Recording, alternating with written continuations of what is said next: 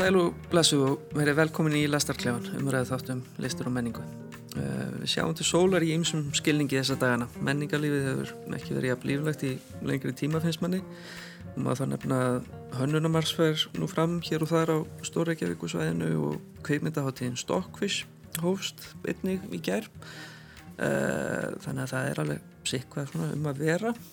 Uh, þetta horfir allt til betri vegar vonandi um, og á meðan uh, já uh, og á meðan sigla fulltrúar Íslands í söngakerni Euróskra sjónvastöða í Rotterdam í Hollandi mikinn Olgusjó en þau eru komin áfram í alkeppnina þráttur er skakka föll en, en hún fer fram á, á lögadag við ætlum hins vegar ekki að tala um júruðarsunu þættinum uh, ekki mikið allavega en það er aldrei að vita hver hvar við endum svo sem. Uh, en það er, það er annað dagskrá hjá okkur í dag og það er þrend eins og vera ber. Uh, efnin eru þrjú og sömulegis eru gestinni þrýr það eru uh, Bergrun Íris Sæfastóttir Rittvöndur, Salka Guðmundsdóttir Skáld ekki satt, eitthvað fleira?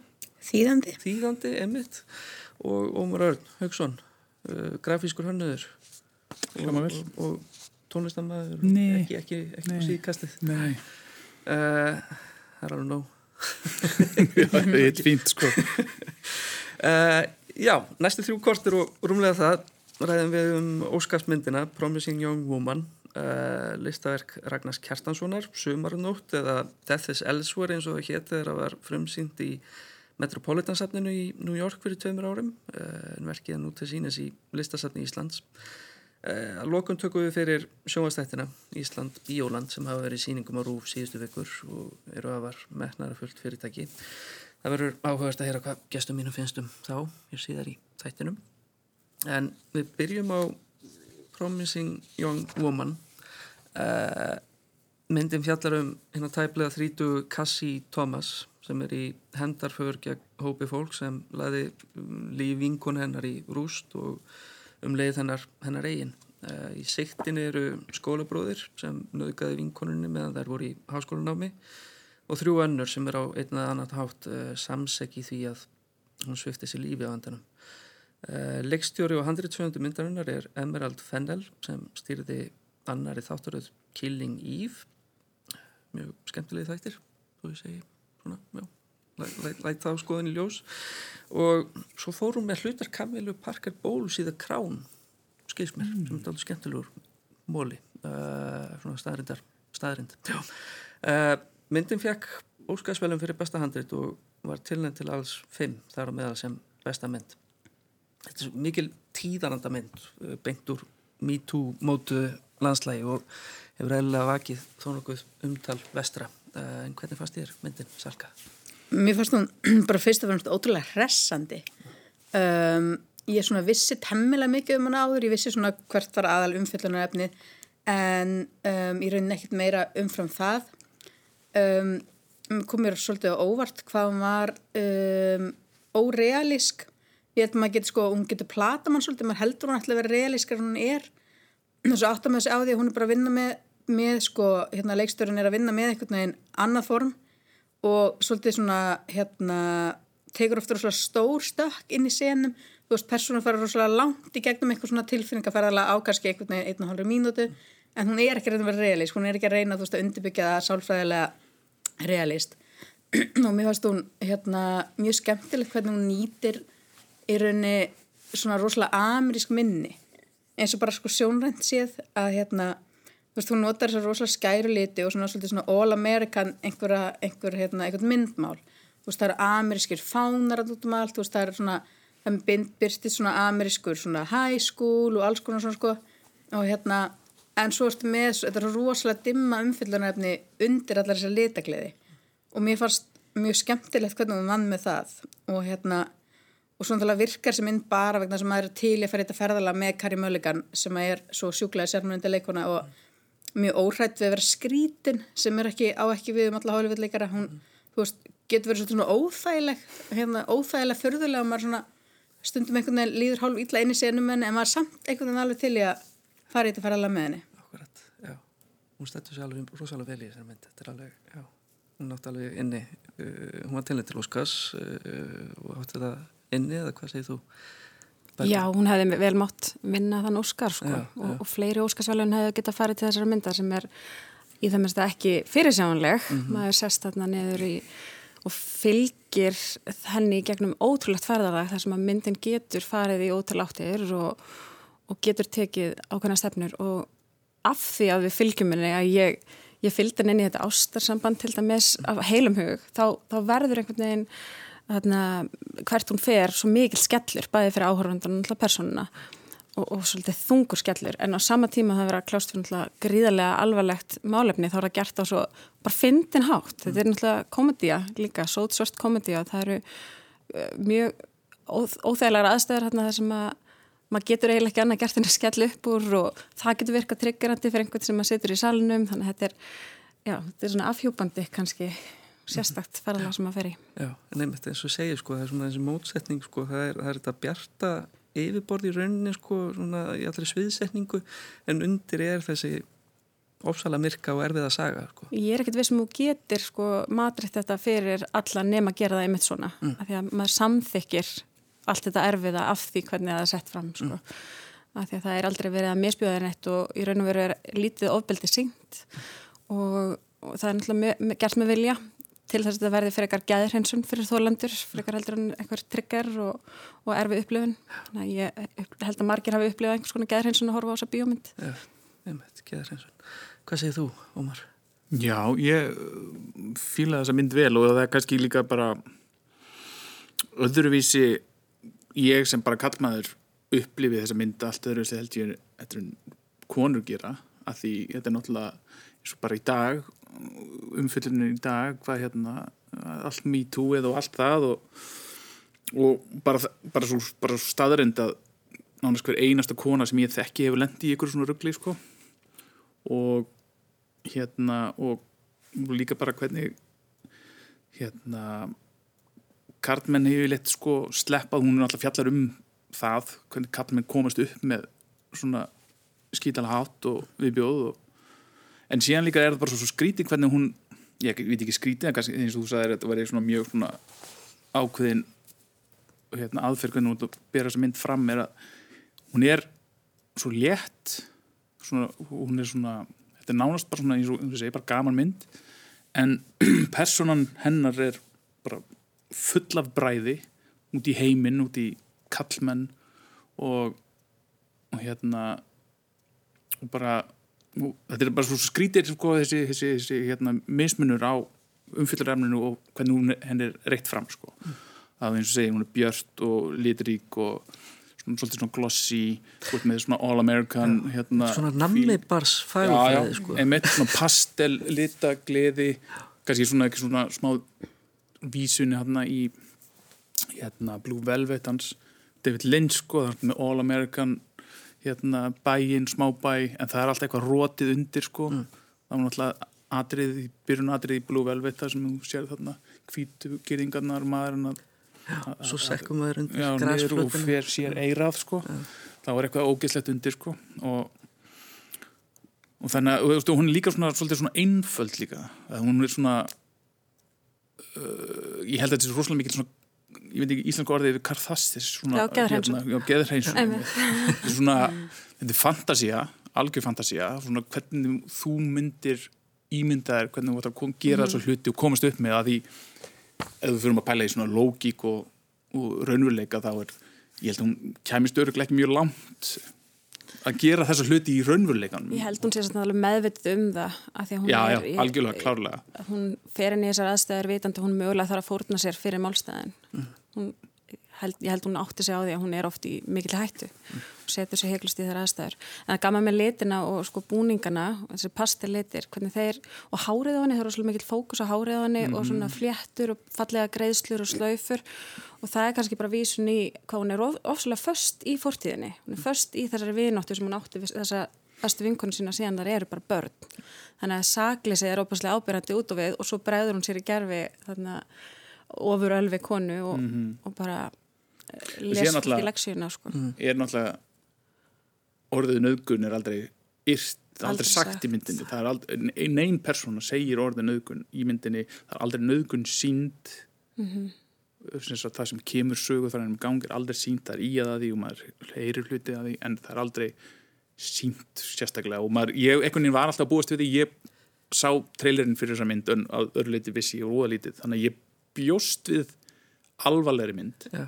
ég bjóst við bara svona nánast bara svona spennu thrillermynd sko. Svona hemdar fantasi. Já, bara svona, svona þetta var náttúrulega sko svona ákveðin geiri sko á áttunda áratugnum og sjönda áratugnum að svona reipur vensmyndir sko þarna eins og eins og Spit on your grave og svona þetta voru svona alveg svona allræmdar Já, og setna hard candy og svona. já og hérna bara svona virkilega sko ljótar myndir og, og söpulegar en urður rosalega svona hérna frægar og klassikar svona myndir fyrir viki sko. Ég veit ekki hvort ég var búist við því en ég var ekki búist við þessu romantísku gamamind sem hún breytist í svona á, þann tíumbili sko. Mér stæðum svo sniðut, það er eins og hún seti næstum romantíska gammynd inn í myndina. Einmitt. Það er svona lítill hluti sem er og svo náttúrulega grefur hún undan því og mér finnst það einmitt tengjast inn í þessa, þessa svona, svona litafantasíu sem er alltaf grafið undan. Hérna og, og líka áhugavert þetta með, hún er náttúrulega býrna á heimil fóreldra sinna mm, og er þar eins og, hvað séru? dýrka þau, Þau eru frábæri leik, stórkostleg. frábæri leik Sandra Coolidge sem er náttúrulega hérna, frábæri leikurna og hérna Clancy Brown sko, það er gaman að sjá Clancy Brown sko, hann er náttúrulega bara svona allræmdur svona vondikall í öllum bíómyndum sko, alltaf Akkurat. skítallinn eða svona Var Það er að vera Highlander. Já, hann er hann bara óbúrslega næs, bara ljúfur pappi, svona næs kall bara. Einmitt eini eiginlega, þú veist, það er óslega fáar personar í myndinni sem að koma með, eru með eitthvað svona tilfinningalegt akkeri, það er mm bara hann og vingunar á kaffihúsinu sem hún vinnur hjá, sko. -hmm. en hún er alltaf í, þú veist, hún er að- hún er að í svona unglingastarfi, hún er að vinna á kaffihúsi svo er hún barnin á heimilinu. En ég hugsaði, sko, mér er svo áhugavert hvernig, sko, Kari Mulligan setur hún nær svo miklum andstæðum inn í sinn leik og ég hugsaði um þetta fyrstu tímyndunar þetta er svona elsta þrítu kona sem ég séð, af því að þú veist hún er bara henni svo drullu sama um allt skiljiði, af því hún er komin á þann stað en á sama tíma er hún náttúrulega bara eins og barn sko, og mér finnst hún einhvern veginn það er ekkert margir sem hefur náð einhvern veginn að gera þetta svona trúverðið sko, því að hún er bara hún er hundra ára gömul í augunum sko. Hún er bara, þú veist, en það er henni alveg sama, þú veist, bara ég skal rækja kaffið þitt á, þú veist, á kaffihúsunum, mér er alveg sama. Skiptir engu máli. tónlistin í eins að komin á það því að minnist á þetta montas þar sem að þau eru að verða ástfangin og maður hrýfst með undir lægi Parisar Hilton. Og það er svo flott hvernig þú veist, pop tónlist frá því að ég er unglingur og, og frá því að hún er þarna á, cirka á þessum tíma þar sem að það, það er verða fyrir þessum, þessu tráma þessi pop tónlist sem að við sem samfélag erum stundum að gera lítið úr og við erum að gera lítið úr Britney Spears og segja að það sé einhvern veginn óæðri og svoleiðis. Og þarna er það tekið og sett á bara allt annan stall. Og Toxic lægið með Britney sem að verður að þema lægi myndarinnar er bara allt í henn orðið að tónverki. Og var það kannski bara allan tíma Já, akkurat, vel og minnst uh, Toxic sem að er spilað þarna í, í áhugaverðri útsetningu uh, á kritískum tímapunkt í myndinni í svona myrkri strengja útsetningu. Mér langaði að leifa hlustendum okkar að, að, hérna, að, að heyra þessa, þessa, þessa útsetningu.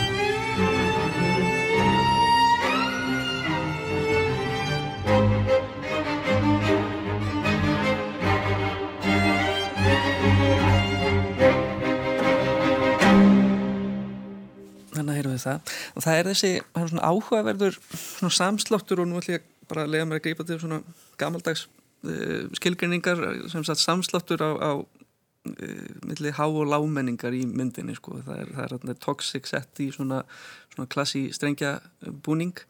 Um, á, og á einum stað í myndinni og það er rauninni fyrsta skipti sem að, að aðalpersonan Cassi að hún, hún svona bara um, hún missi sig uh, þegar einhver kallkins aukumæður uh, hérna stoppar hana utan í, eða sem sagt hérna ergist út í hana utan í einhvern vega, vegakanti og hellir sér yfir hana. Um, að, að þá sem sagt hún snappar og, og fer út og mölvar bílunans með, með golfkilvu að þá og meðan því fer fram að þá, þá heyri maður uh, klassíst tónverk uh, bara, já, bara allt í hennu byrtist, Wagner í myndinni og, og líbestótt úr, úr Tristan og Ísvoldu spilast. Um, og svo má jáfnvel greina sko, frekari áhrif þessar til þess með óperu sko í myndinni. Og þetta sko það er alveg sikvað, þetta er svona lungin kvikmynd hvað þetta snertir. Hvað segir þú Salka? Já, er það, hún virkar rosalega mörgum lögum og mér finnst líka mjög sko flott hvernig hún nefnir tekur eitthvað sem er kannski áliti pín fróða sko. Hérna svolítið svo Berglund var að segja og einhvern veginn setur það í nýtt samhengi. Um, og það er held ég hægt að horfa á hana rosalega heilalaust. Og þú þarft ekki að taka þetta allt inn. Það er alveg hægt að horfa á hann bara hei þú veist, úslega hressandi, skemmtileg mynd sko hérna, veist, hérna frábært í henni bla bla eða ekki frábært í henni. En þú veist, svo gefur hún manni miklu meira sko og hérna, og það er það sem er svo klefur og þess að það finnst mér svo áhverst að hún líka hafnar þú veist, hafnar realism og þótt maður fatti það ekki alveg fyrst sko að hérna, hún einhvern veginn leifir sér að taka rosalega stór stökk inn myndinni Mm -hmm. Ég held að þessi bíomend sem maður þarf að sjá oftar en einu sinu oftar en tvið svar sko mm. og það var eitthvað komist eða kannski tragikomist það þegar ég er að býða í andir bíóinsins eftir að systeminn kemi þá var fullt af fólki að streymi bíó og alla konurna var að fara að sjá Promising Young Woman kallarni var að fara að sjá Wrath of Man og kemur strákur og er að borga með það og hann er að, ég ætla að fá að sjá hérna, hérna og bíostelpan bara botnaði það Wrath of Man, já, já, já, einmitt það var eins og að kemja ekkert annað til greina en mér langar svo að allir sjá í þessa mynd mm -hmm. mér langar að óhóð kyni bara sem flestir fara og sjá þessa mynd óhóð kyni og aldrei ef ekki bara til að sjá hvernig það er þegar kynið mann sem tekið og presenterað á einsleitan hátt í bíómynd mm. það er alveg ágættið svona. Já, já, það er bara það þurfa allar að halda á einhverjum tíumbóti sko. Náttúrulega, ég held að svona gaurar sem skrifa má ekkert lengur á Facebook eiga ekki eftir að fíla þess mynd sko.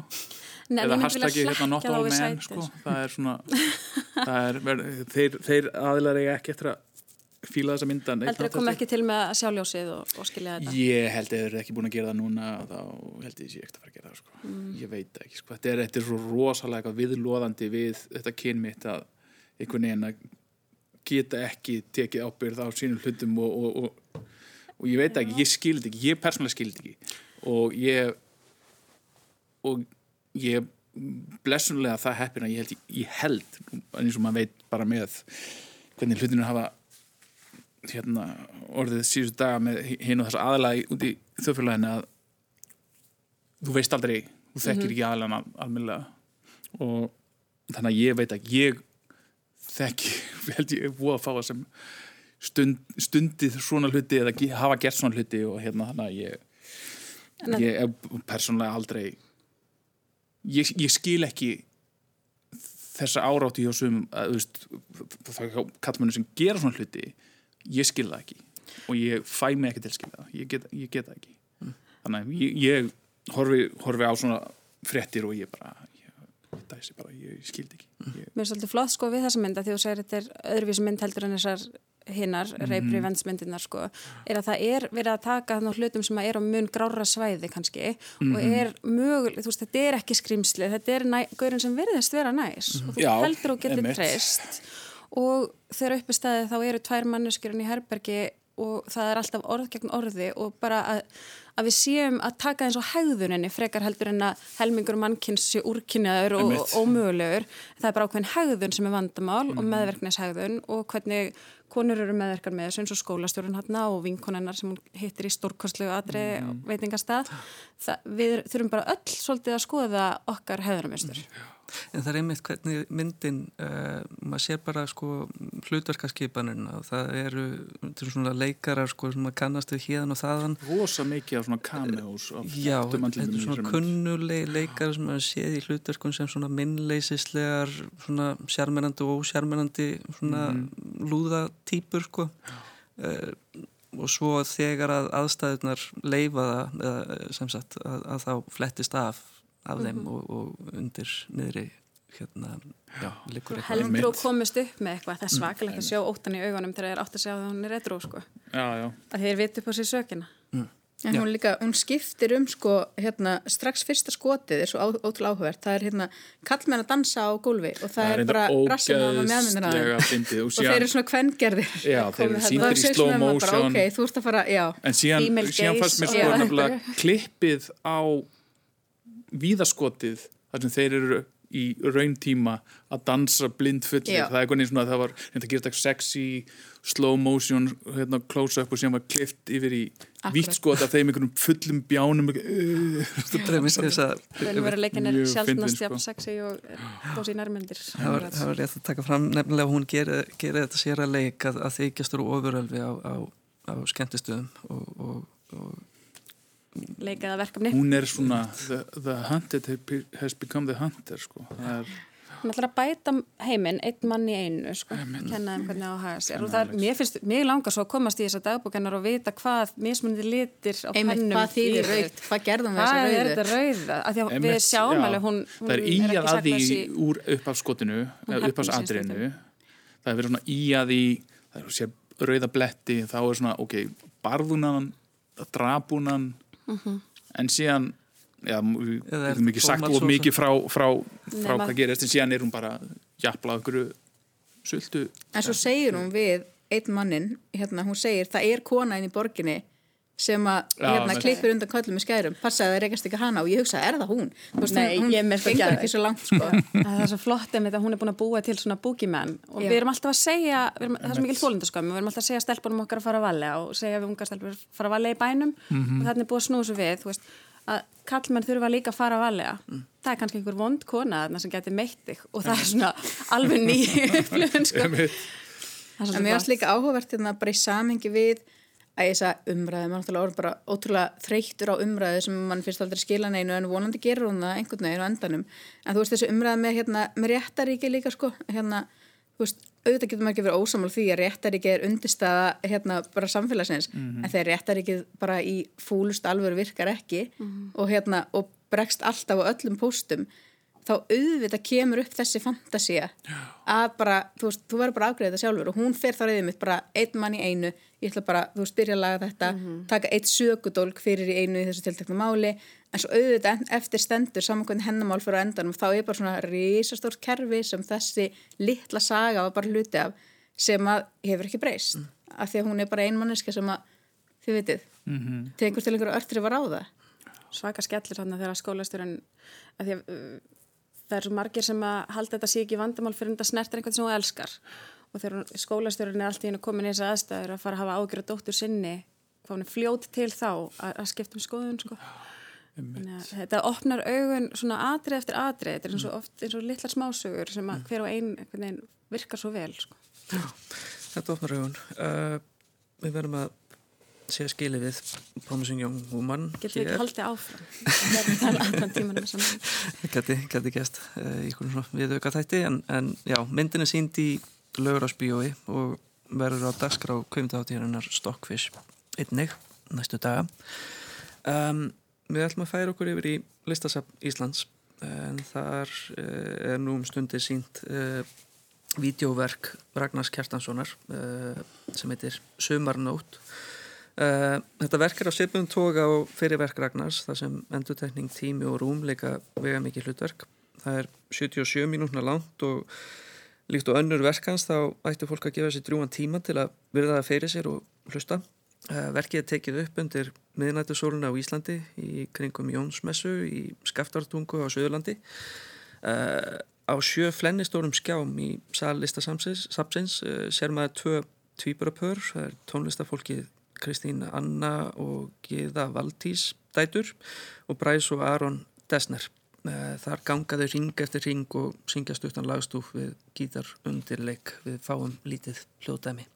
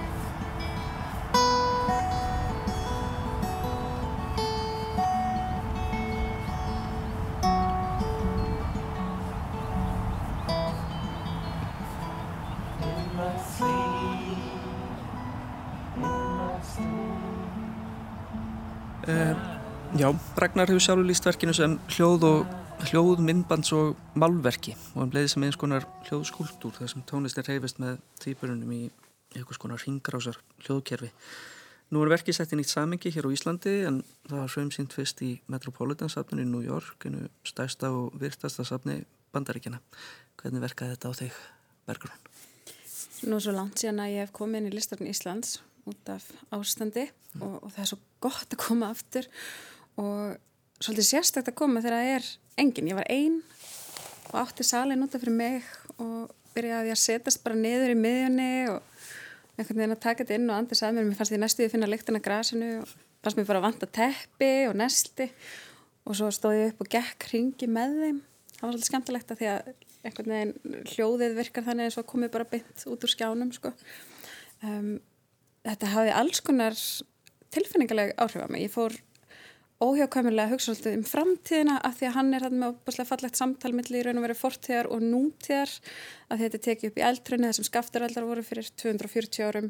Þá fyrir ég að hugsa um eldsum og Reykjanesi núna. Hvernig verður þetta í framtíðinni? Hvernig verður Ísland og, og Reykjanesi eftir 240 ár? Er einhver að fara að ganga þar um og, og spila tónlist? Og hvernig verður tónlist eftir 240 ár? Þannig að hugurinn minn fór alveg á, á flug. Mm veit. Þetta er áhugavert að hugsa um þetta sko bara, þetta er allt öðruvísi samengi heldur en verkið er uppálega sínt í, uh, í kraðakinu í New York. Og nú er það komið bara aftur, eða sem sagt já, inn til Íslands. Já, en, en það er líka eitthvað rosa svona uh, dystopist við það að vera inn í svörtum sal með þessa náttúru sem þú kemst ekki inn í og þú ert með grímu fyrir andlitinu og það er allt snjálfsíman í vasanum og bara hvað við erum komin einhvern veginn langt frá upprönnum en, og komist við ánga aftur. Já, það hefði svolítið mikil áhrif á mig. Já, hvað segir þú, Ómar? Um, ég uh, gekk þarna inn vitandi ekki neitt um verkið uh, og lappaði inn í hérna mannmerð sem var inn í sannum sem hefur örgulega haft einhver áhrif hvernig maður uppliði verkið að því og það er hvern, hvernig mannmerðin var er allt öðru sem held hún væri fyrir árið síðan áður en COVID var því hérna var fólk búið að rotta sér saman í hópum og þann- fylla út raunir rýmið og þannig að maður þurfti að lappa svolítið svona horfa yfir fram hjá fólki sem voru með síman á lofti Wow. og hérna elda þau með símana sína og síðan voru ég með börni mín og þau voru að hlaupa út um allt og hérna þannig að uh, ég svona reyndi að vera þarna smá tíma inni og fylgjast með þessu sjá hvert þetta var að fara og, og hérna ég fór svona pæla meira svolítið í óhjákvæmilega fór ég að pæla í tækniliðinni meira og fannst en, en sko það sem ég finnst sko þau verk sem ég séð eftir Raka hann, hérna finnst mér hann vera að reyna að fanga atmosfér eða veist bara svona atmóið og tilfinningu uh, sem einhver sem það sem hann ber fram veitið er eins og hérna verki sem hann síndi hérna í borgarleikusinu sem var bara tóm eða tómt innan gæðslapa svið með sviðsmynd og síðan varstu með hljómsveit, live hljómsveit í grifjunni sem þú sást ekki. Og þau spiluðu lag og þú hor, horfður á mannlöst sviðið en það var samt eitthvað að gerast og, og þú maður hvernig, og ég elskaði það verk að því þetta var einhvern veginn fárlegt og þú fer þarna í fullansal og fólki í leikhúsi og horfir á tómt svið. Og það, það, það samt hafði einhver mjög skemmtilega áhrif á mig. Það var bara tilfinningin og bara aftmóðið sem það bara svona bara til, tilfinningin sem komu upp í manni. Og það var svona svipað með þetta að það er svona kannski svo augljósast að tengingin er veist, það þekki allir hérna á Íslandi sumanóttina sérstaklega á teppi með veður þú veist, með logn og hljóðin þetta er öll hljóð sem þú þekkir. Og þú veist alveg hvernig vindurinn er þú veist hvernig lyktin er og þú veist hvernig byrtan er þetta er eitthvað sko sem útlendingur þetta hefur allt öðru áhrif á útlending og þannig að þetta, er- þetta er allt minni sem þú þekkir frá æsku, bara frá því þú fættist en líka bara tilfinn og veist, atmóðin sem hann skapar með bara teknilegu hliðin er að hljóðið eins og þú sagðir, hljóðið eldri myndina. Þannig að þegar, og það var eitt sem ég vissi ekki eða ekki fyrir en ég steg út á salnum og las lýsingunarverkinu og um að, að þetta voru tvíburar sko, bæði mm -hmm. því ég fór að pæla í sko, hvernig hvernig náðan sko, veðrið er alveg eins hjá þeim báðum, sko, ég held að hann hefði bara látið lappa, sama fólkið fötin. já, taka, taka tvo ringi sko. en síðan sá ég náttúrulega þetta eru týpurar og þannig að ok, það er komin ennþá, en, þetta leigir að endurtekningu, lúpan þessi endalus lúpa, þú veist með sama fólkið Ég held að Rag- Ragnar hafi líst þessu sem hérna, bara gamla góða tvipatriksinu sko. já, einmitt og líka bara, veist, ég endurst nú ekki í 77 mínútur að horfa á þetta. Og ég það væri nú röglega gaman að sjá að því ég, það, e, e, í þessari lúpu sem ég, þegar ég kom inn og þá tóku þessi til stúlkurnar og fóru að pissa Já, hérna út í grasi. Og, og þau gera, það á sama tíma þar sem þýðir að þá er þetta og þetta er miklu planaðara held ég heldur maður gerir sem grein fyrir. Þetta er, þetta er látið lítið út þess að sé bara ok, nú ég ít á rekk og til að byrhingi og spila þetta lag í 77 mínútur. Þannig að en þær gera hlutin á saman tíma. Held, ég veit það ekki, ég veit ekki hvort það gerir aðra hluti á saman tíma setna í verkinu eða ekki en þetta er, þetta er það svona það sem br- braut upp lúpuna á þessum tíma sem ég var inn í salnum sko. en hérna mér finnst það skemmtilegur sko og, og þau verk sem ég hef sem ég séð sko. Mér finnst alltaf, alltaf gaman á hann sko. Hann er svona, mér finnst stundum eins og hann sé svolítið að maður að segja fokka svolítið í elitunni líka sko. Að gera hluti láta það líta út fyrir að vera merkilegri eða eru sko.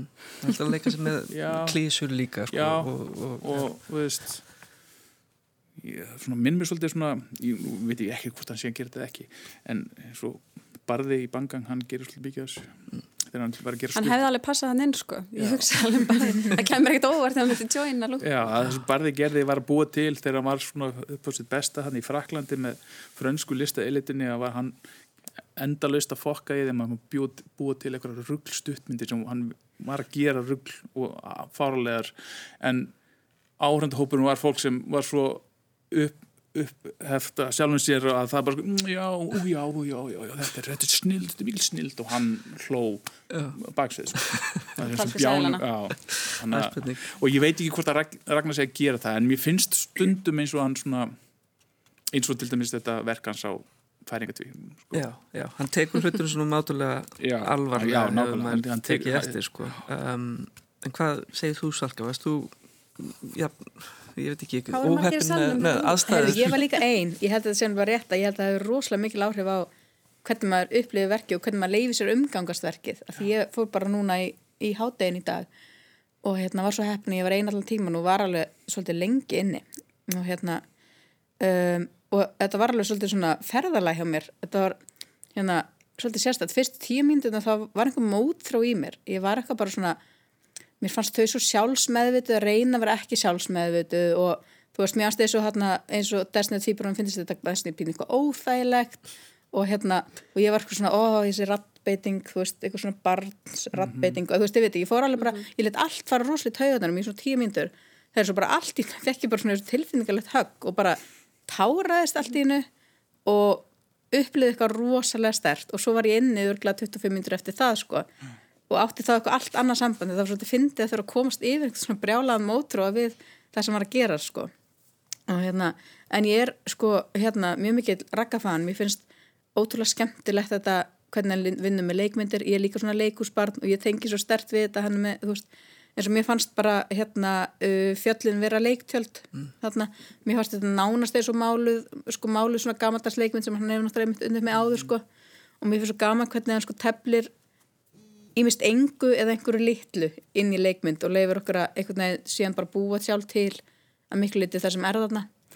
Og hérna, og þessi endurtekning líka þú veist, þetta er náttúrulega bara eins og verður eins og einhver svona mantra eða þið vitið einhver svona, einhver svona andlegur gjörningur sko, hérna maður einhvern veginn fer inn í eitthvað svona bindast inn til eitthvað svona rithmi inn í manni maður er inn, að hlusta á þetta kannski hálftíma og þú veist þá bara fer að, þú veist, toga í eitthvað manni, með manni sko. Mm. Mér finnst einmitt líka mjög skemmtil hvað hann er svona óhrættur við sko fegurð romantík af því að hann er ekki presendar af því að hann er einmitt alltaf að snúða upp á klísunar hann setur alla klísunar í bankanum veist, á borðið fyrir framann okkur en hann bara er búin að setja þær í samengi þess að hann gera eitthvað allt annað þannig hann endur nýjar þær rosalega mikið. Og mér ást hann gera það í þessu verki sko, hérna, og einmitt mér finnst líka áhugast þetta með sko samhengi að við lesum þetta verk náttúrulega bara alltaf þessi bæði hér og líka núna af því að líka þessi, þessi sko að það er alltaf verið að staglast á dauðanum alltaf dauðin er annar staðar, dauðin er annar staðar en þau eru samt, samt alltaf að tala um dauðan þannig að dauðin er mjög present í verkinu. Og þá fer maður náttúrulega strax bara að lesa út frá sínum samtíma og sínu augnabliki og og sama bara, tíma er maður í miðjum heimsfaraldri. Já, hugsa bara, þú veist, það er bara fólk á Indlandi, hérna, bara að kapna og það er bara börn á gasa, þú veist, þið veitir hvað ég meina og þetta er svona eitthvað sakleysi sem að er sakleysi vegna þess að það er fjarlægt einhverjum ljótleika. En ljótleikin er ótrúlega present þannig að mér finnst það mjög svona áhugaverð einhver mótsögn, sko. Og hérna, og gerir verkið einhvern veginn miklu meira virði hérna, ég hef bara, ef þið bara ekki verið með þetta dauða elementarninni, þá hefði verið eitthvað alltaf en það í gangi. En mér finnst það alveg rosalega stert Svo eru þessi svörtu bíl á milli skjána, það sem er með sjö skjái, það eru svört bíl á milli. Og um leið og viðkomandi gengur út úr skjánum það byrtist hann ekki strax inn á næsta skjá, heldur er hann í smá stundu myrkrunu en löt, þú heyrir ennþá röddina. Þannig að maður er farin að hugsa um hvert fyrir við eftir við degjum og þú veist, ég fer að hugsa bara um allt, einhvern veginn lífið og dauðan og ég hugsa alltaf, komaði ekki örgulega aftur það, er svona, það var svona, að þetta er svona þetta tegist á þessum mómenti þetta þetta er sem bara svona augnablik, en það tegist alltaf á því með þess að þau fóru bara inn í svartóli nei, þau komu aftur, Já. ok Já. það kemur svona smá trublun einhvern veginn einmitt í flæðið já, sko. já. Akkúrat. Athyglisvert. Já, en það er nefnilega áhugast, fyrst þú minnist á sko klísjurnar og, og þarna er eh, Ragnar, hann segi, eh, sagðist uh, þarna verið í fyrsta skipti að vinna svona með ja, bein, beinum hætti með íslenska náttúru og sem er náttúrulega bara alveg agaleg klísja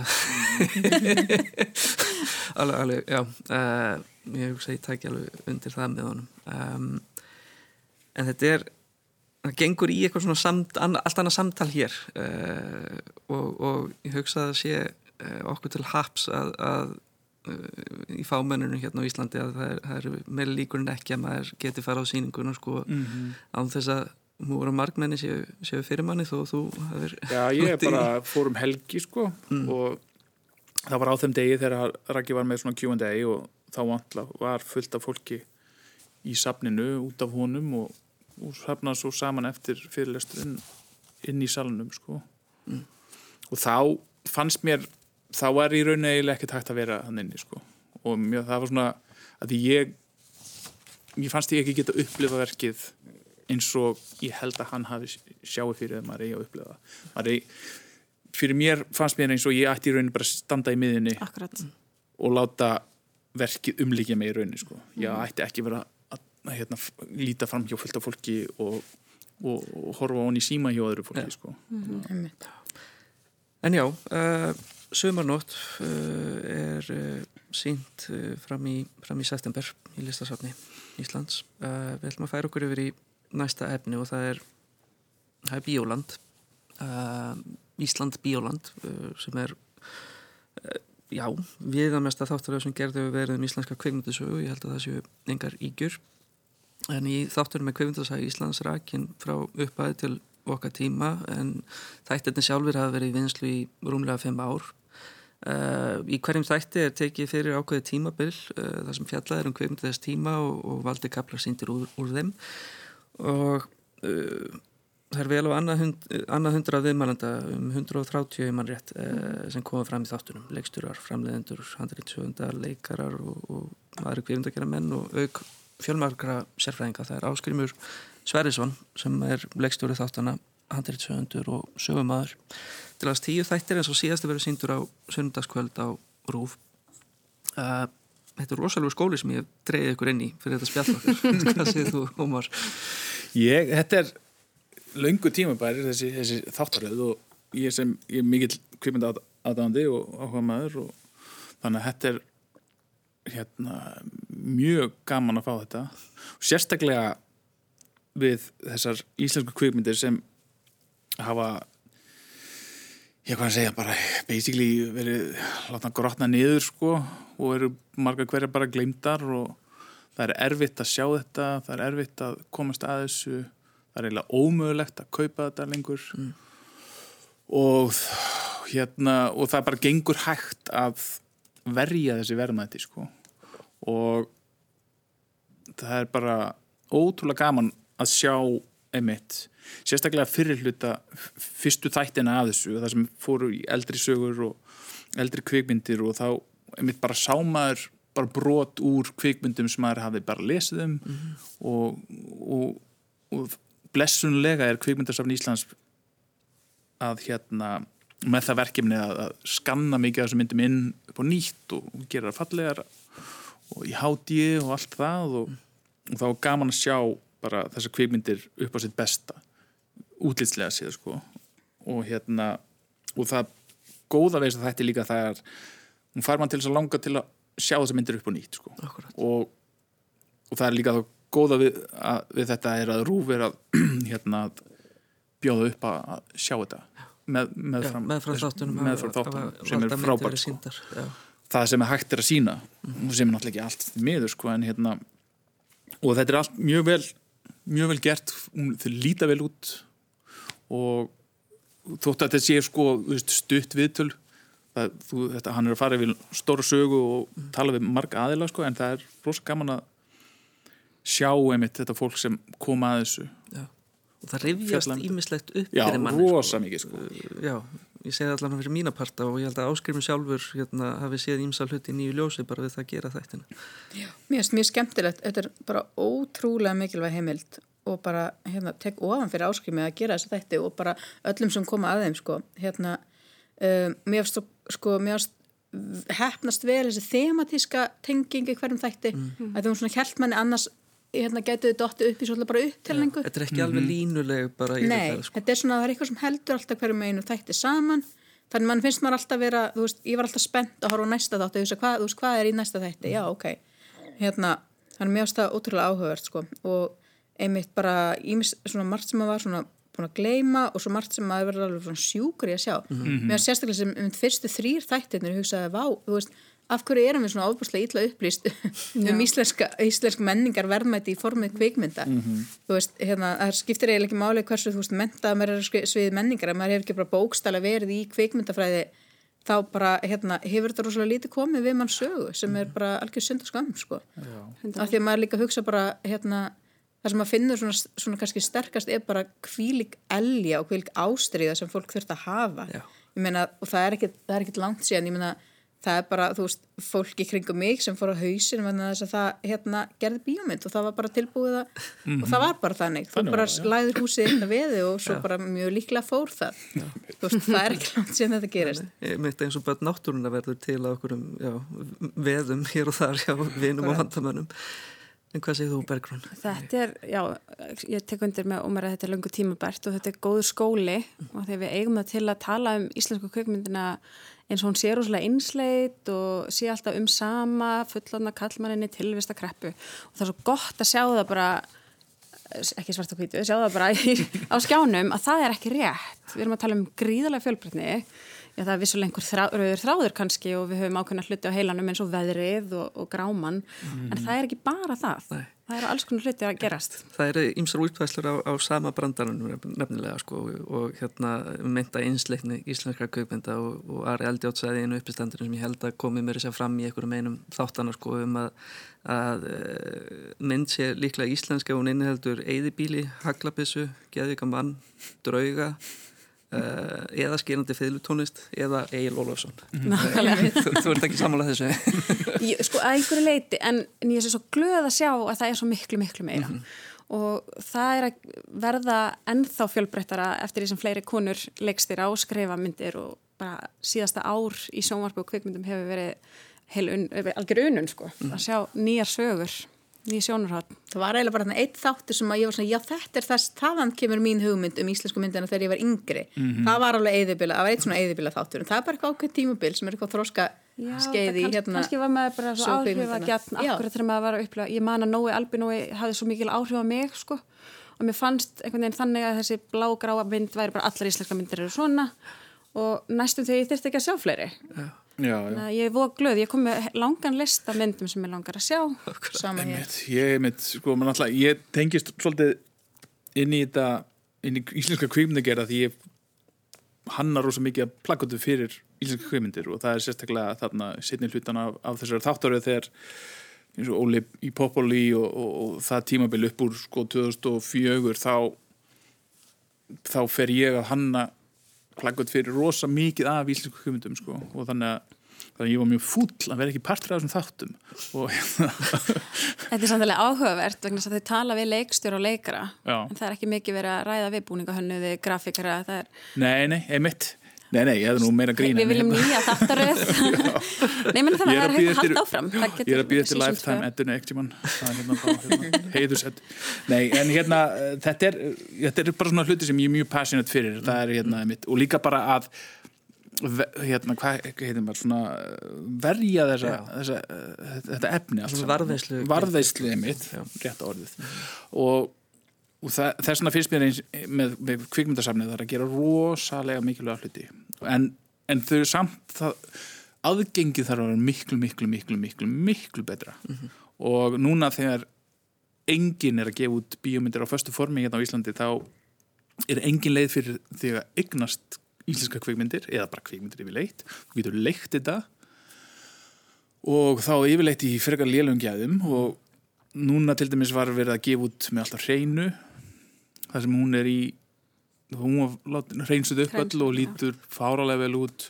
Stella í Orlofi Stella í Orlofi lítur vel út en hún, það er ekki hægt að fána neins staðar. Þú getur, ho- þú veist, þú getur hort á hana í Bíópartís og það er eitthvað sem, sem ég veit að það er planið hjá kvikmyndasafnin held ég er að koma á fót svona almennilegri streym, streymisveitu með þessum kvikmyndum. Og það er eitthvað sem bara verður að gerast tíma sko. og síðan finnst mér bara að það, það þarf að það þarf bara að gefa þetta út aftur og Já, ég meina, menningaverðum eitthvað náttúrulega lifa ekki nema einhver horfi á þetta. Þetta er ekki lifandi ef það er enginn að horfa á þetta. Ég meina að það þarf bara að koma SS þarf að fara í annað átaka og gefa út pulsupakka með kvikmyndum aftur og nýtt. Og nýtt og... ef ég fæði tróðin verandi hérna barnabókahöfundurinn í hópnum það má alveg splæsa gulum og rauðum lit á rúfmerkið þegar það verið að sína brot úr mjög grófum myndum. Já, einmitt, ég hérna uh, einmitt, kona mín einmitt bent á það að við vorum að horfa á þannig þáttum um daginn næst síðast á það var einmitt á verstatíma þegar krakkarnir sátu fyrir framann sjónvarpið og horfðu á atriður XL sem voru mjög ljót og hérna mjög tryggrandi. Og þannig að það hefði aðeins fara við því það er engin kostnæður við það heldur. skella gul Ekki eða stór. rauðumerki, já, það er góður punktur. En frábæri þættir, virkilega góður vandaðir. En ég, ég mætti kannski segja eitt í lokin, Já, hérna mjög rúslega frábært hvað hérna, uh, þú veist þess að gætt að draga fram hérna kvenleikstjóra af ymsum toga og svona konur sem að fengu ekki þá aðtikla þessum að áttu skilda á sínum tíma. En ég hefði viljað sjá fleiri karlmenn tjá sig um þessa kvenleikstjóra því það var nánast, maður gætt nánast bókað að þegar hérna, það kom umfjöldum myndið til konu þá kom kona að tjá sig um hana. Mm. ég held að hérna karlmenn mættu sína meiri áhuga, ég veit ekki á hvað það skrifast en hérna, mér finnst það svolítið svona dæmigert. En frábært hvað það er vel representað í þessum þáttum. Virkilega. Akkurat. Þá, það er bara loka orð þáttarins uh, því að komið að leiða lokum hjá okkur lesta kljónum. Uh, ég þakka gestum mínum fyrir komuna, Bergrúnu Írisi Sæfarsdóttur og Mari Erni Haugsinni og Sálku Guðmustóttur. Lesta kljóun rennur áttur í hlaða vikuleginni. Góða helgi.